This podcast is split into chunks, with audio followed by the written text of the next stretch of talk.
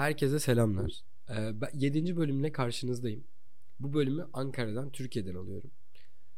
3 haftalık Türkiye tatilimin ilk haftasının bitiminde bu kaydı alırken e, çok fazla farkındalık edindiğimi, e, bu 7 günlük süreçte de e, bazı konularda ne kadar yanılmış olduğumu gördüm Türkiye'ye geldikten sonra.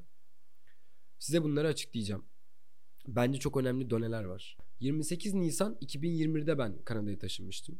Ve bu tarihten sonra aslına bakarsanız ikinci kez Türkiye'ye geliyorum. Bundan yaklaşık 3 ay önce 3 Temmuz'da da 2 haftanın Türkiye'ye gelmiştim ama 14 gün benim için tamamıyla yok saydığım böyle tüm algılarımın kapandığı bir dönem olduğu için e, bence ilk defa geldim Türkiye diyebilirim.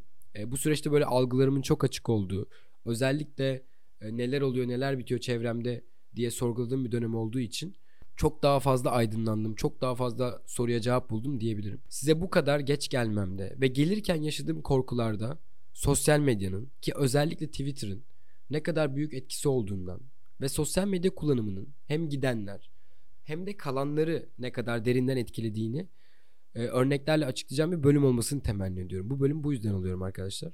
Şöyle başlayabilirim ki ben uzun bir süre çok korktum. Gelmekten korktum. Türkiye'deki kaosa tekrar sürü lenmekten korktum. Öyle bir şey ki bundan önceki Twitter hesabımda sadece siyasetçileri ya da işte ne bileyim siyaset yapan tanınmış kişileri takip ettiğimden acayip politikleşmiştim. Herkes bunu düşünüyor. İşte Oğuzhan Uğur'undan işte hmm, Ümit Özdağ'ına, Kılıçdaroğlu'ndan Erdoğan'ına herkes. Ki bunların işte gazetecileri, işte YouTuber'ları, işte Cahreyn'i vesaire vesaire e, tüm bu insanlardan bir done oluyorum. Zaten böyle bir kişiliğim vardı ve hep bu çizgideydim. Hep politiktim. Ama şöyle düşünün. Twitter'da sadece bu hesapları takip edip bu hesaplarla etkileşiyorsunuz. E böyle olunca olduğundan 100 kat daha kötü hayal kuruyorsunuz. Bu tıpkı şey gibi. İşte muhalifler genelde şey der ya. İktidar yanlısı bir medya kuruluşunu izleyen ve sadece bu yayıncılardan haber alan bir kişi nasıl Türkiye'yi dünyanın süper gücü olarak düşünüyorsa biz muhaliflerin de işte kendine seküler, demokrat, solcu, liberal ne olursa olsun herhangi bir ideoloji olabilir. Sorunu biz de tek taraflı bakıyoruz Türkiye gerçekliğine. Yani iktidar iyi bir şey yapsa bile kötü ya da bizim cenahtan biri korkunç bir şey söylese de savunmaya geçtiğimiz bir süreçten geçiyoruz. Böyle yaşıyoruz bu hayat. Çünkü bizim için kimliğimiz her şey değil mi? E bir yandan da sadece kendi ideolojimizi destekleyen bu doğrultudaki yayıncılardan haber alıyoruz. İşte ben de bu çukura düştüm. Özellikle Kanada'ya geldiğimin ilk 7 ayı korkunç bir patlama yaşadım. Yani 15 bin kilometre öteye gelmişsin ve bir hayat kurmaya çalışıyorsun. E doğal olarak bu hayat çok kolay kurulmuyor. Sorunlar yaşıyorsun. İşte o her sorunda suçluyu Türkiye ya da işte erk sahibi, güç sahibi kim varsa onu belirliyordu. Yanlış. İnanılmaz yanlış bir şey yapıyorsun ama bu süreçten de kaçamıyorsun. Ben bayağı Aralık ayında falan şey zannediyordum. Yani işte Beşiktaş Ihlamurdere'de Suriyeliler ellerinde keleşle Türk kadınlarının haremlerini topluyorlar. Yani kimse bu arada bundan bir anlam çıkarmasın. Tabii ki çok ciddi, çok sorun yaratacak haberlerle karşılaştık. Bunlar gerçek. Bu sorunları yaşayan insanlar da gerçek. Ama iyisi ya da kötüsüyle hiçbir şekilde bu kadar uç bir hikaye yaşanmıyor. Çünkü normal hayatına devam eden bir sürü de insan varmış. Buraya geldiğinde bunu gördüm. Hala Just'ta insanlar piyasa yapmaya devam ediyorlar mesela. Ben baya savaş alanı olduğunu düşünmeye başlamıştım İstanbul'un. Korkuyordum. Çünkü hangi ideolojiden olursanız tek taraflı bir haberciliğe maruz kaldığınızda ki bu olayların yaşanmadığı anlamına gelmiyor az önce söylediğim gibi. Çok fazla dezenformasyona uğruyorsunuz. Hatta bunlarla ilgili defalarca tweet attım. Yani bir noktada şey düşünüyorsunuz o kadar çok tweet attım ki acaba ben mi kriminalim? Benim gerçekliğimi, karar verme sürecimi dahi etkiledi. Kışın Türkiye'ye gelecekken bu kadar tweet attığım için ki hakaret falan asla yok. Kendimi kriminal zannettiğimden şey diyordum. Ya başıma bir şey gelirse Türkiye'ye döndüğümde. Ben gelmeyeyim hiç. Baya gelmedim bu yüzden. Ama işte o anda düşünemiyorsunuz. Çünkü öyle bir bilgi kirliliğine maruz kalmışsınız. Öyle manipüle edilmişsiniz ki işte şey düşünüyorsunuz. Türkiye'de başıma ne gelir? Bilmiyorum. Burada düzen kuruyorum ya saçma bir şey yüzünden Kanada'ya geri dönmezsem çok üzülürüm falan düşünüyorsunuz. Bir yandan da onlarca saçma olay olmuyor da değil. Ama sizin gerçekliğinizi sadece siz bilebilirsiniz. Biz Kanada'daki arkadaşlarımızla Mart ayı gibi ortak bir karar alarak Twitter'larımızı kapattık. Ve sonrasında Yeni açtıklarımızda da olabildiğince az politikaya, siyasete maruz kalalım dedik. Çünkü Türkiye'nin siyasi gündemi direkt gerçekliğimizi etkiliyor. Ondan kurtulmaya başladıkça da hayatın başka alanlarına konuşacak çok şey olduğunu ve politikanın kirinin bulaşmadığı sohbetlerin daha zevkli olduğunu falan görmüş olduk. E, bu da bizim için yeni bir farkındalıktı. Bu arada şunu demiyorum arkadaşlar. Apolitikleşin demiyorum. Çünkü hayat zaten politik bir olay. Sizin yaptığınız her hareket, her olay, devletin, iktidarın erk sahiplerinin aldığı her karar sizin direkt gündelik yaşantınızı etkilediğinden zaten politik bir olay sizin yaşamanız bile. Ama şunu söylüyorum. Twitter algoritmasının sizin seçimlerinize göre sizi inanılmaz fanatikleştirdiğini A ya da B ideolojisine sahip olabilirsiniz fark etmez. Farkına varın. Çünkü varmazsanız benim yaptığım gibi bir sürü yanlış karar verebiliyorsunuz. Tıpkı benim geçtiğimiz kış Türkiye'ye gelmekten korkmam gibi. Tabi başka sebepler de vardı. İşte ekonomik durumu biraz daha toparlamak istiyordum bir yandan. Yeni bir okul süreci vardı vesaire. Ama sonuç olarak Twitter'dan edindiğim Türkiye ve İstanbul algım beni çok korkutmuştu. Bu yüzden gelmem 15 ayı buldu Türkiye'ye. Tabi bir de bunun tam tersi olan bir süreç var. Nedir bu? Ördek psikolojisi.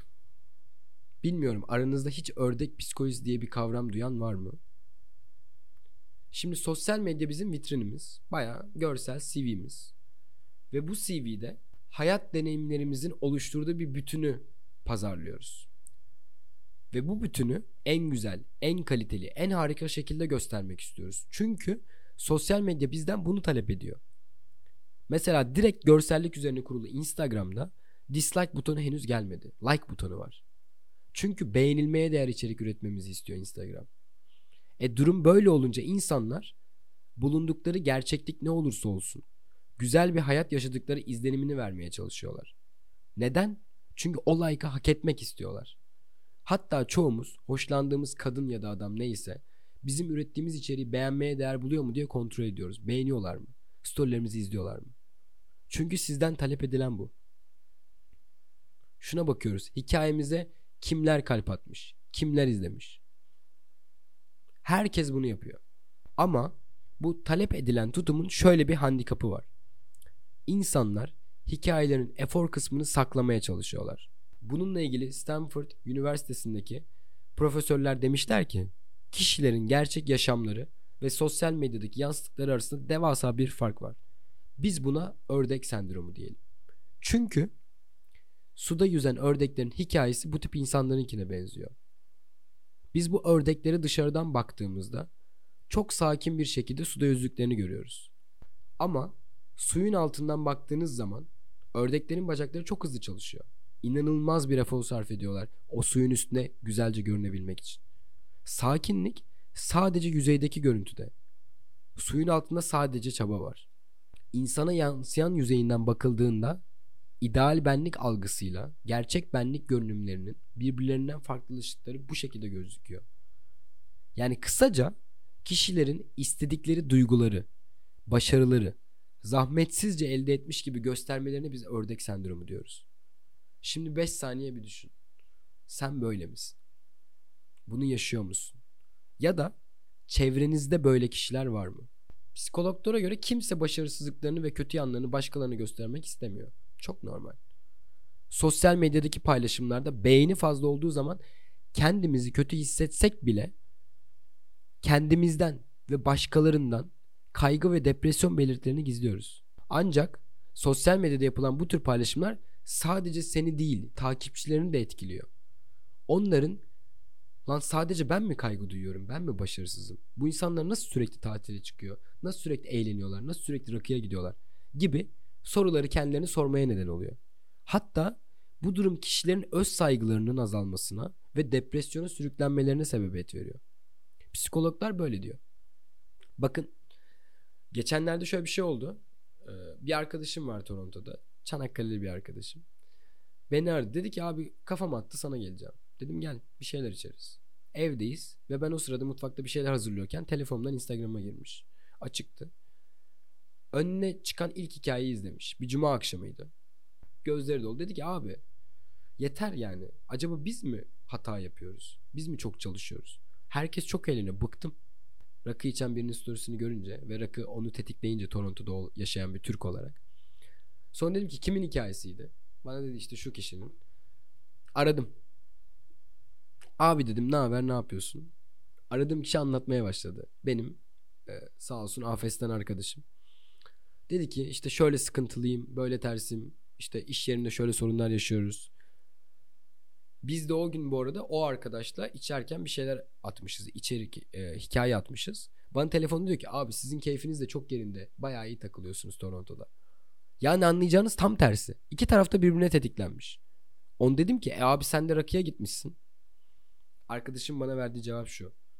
Ben rakıya gittim gitmesine de 40 takla atarak gittim rakıya ve üstüne ne zevk aldım ne de güzel bitti. Saçma sapan bir geceydi keşke gitmeseydim. O geceden kalan tek şey kalabalık bir grup fotoğrafı. Bir iki rakıda sarhoş olduklarına dair video. Şimdi çok alakasız, çok kötü geçen bir rakı gecesi birinin Toronto'da 15 bin kilometre uzaklıkta birini tetikliyor. Birinin bir şeyleri kaçırma hissi, başarısızlık olarak ortaya çıktığı bir hikaye dönüşüyor. Şaka değil. İşte o ördek sendromu buna yol açıyor. Yani hem içeri üreteni bir noktada belli bir çerçevede kalmaya zorluyor. Hem de bu içeriğe maruz kalan takipçilerinin kendisini ekstra sorgulamasını yol açıyor. Ben bunları anlatıyorum çünkü farkına varmak istiyorum. Farkına varırken de sizi aydınlatmak istiyorum. Kimse mükemmel bir hayat yaşamıyor. Kimse bulunduğu yere parmak şıklatarak gitmiyor. Ne Twitter'da gördüğünüz kadar kötü bir çevrede yaşıyoruz. Ne de Instagram'da gördüğünüz kadar harika bir dünyaya ve insan topluluğuna sahibiz. İkisi de doğru değil. İkisi de yanlış. Sosyal medyada başkalarının hayatlarını görerek kendi hikayemizi değersizleştirmemeliyiz. Bunu yapıyorsak bu yoldan dönmemiz gerekiyor. Sosyal medya istemsiz bir şekilde buna yapmamızı, bunu hayat felsefesi olarak belirleyip daha çok içerik üretmemizi istiyor. Kendi sorgulamamızı başkalarını referans alarak değil, biz ne istiyoruz ve ona ne kadar yakınız üzerinden yaparsak işte o zaman bir noktada gelişme kaydedebiliyoruz. Yani beni düşünün. Türkiye'ye gidersem ne olur dediğim noktada ben ülkeye akbil basar gibi pasaport okutarak girdim. Bu bir işaret değil mi sizce de? Bu Instagram hikayesi üzerinden arkadaşımla telefon konuştuğumda öğrendiğim gerçekler de bunun aynısıydı. İnanmıyorsanız kendiniz deneyimleyin. Ya her şeyi geçtim zaten kendinizden biliyorsunuz paylaştığınız postlardan. İşte tam da bu noktada beğenilme arzusundan ziyade biz ne istiyoruz? Biz bulunduğumuz koşullarda ne kadar mutluyuz bunu düşünmemiz gerekiyor. Çünkü beğenilme arzusu başkalarının bakış açılarının eylemlerimiz üzerinde müdahale olmasına neden oluyor. Özgürlüğümüzü elimizden alıyor. Gittiğimiz yoldan çıkmamızı sağlıyor. Deneyin ve görün. Beğenilme arzusundan kurtulduğunuz an özgürleşeceksiniz. Yaptığınız ne varsa kendiniz seviyor musunuz? Bu sizi mutlu ediyor mu? Bunu test ettiğinizde işte yaptığınız şeyin ne kadar değerli, sizin için ne kadar biricik olduğunu işte o zaman anlayacaksınız. Türkiye'deki ilk haftamda böyle bir bölüm çekmek istedim. Çünkü özellikle Twitter ve Instagram sahteliğini buraya geldiğimde daha da iyi görmüş oldum. Abi oradan gördüğüm içerikler ile burada o içeriklerin arka planını bilmek arasında devasa bir fark var. Bunu da bu şekilde size anlatmak istedim. Beni dinlediğiniz için teşekkür ederim. Umarım ördek sendromunun yendiklerinden değil, ördek sendromunu yenenlerden olursunuz. Kendinize çok iyi bakın. Bu küçük hap bölüm böyleydi. Diğer bölümde görüşürüz.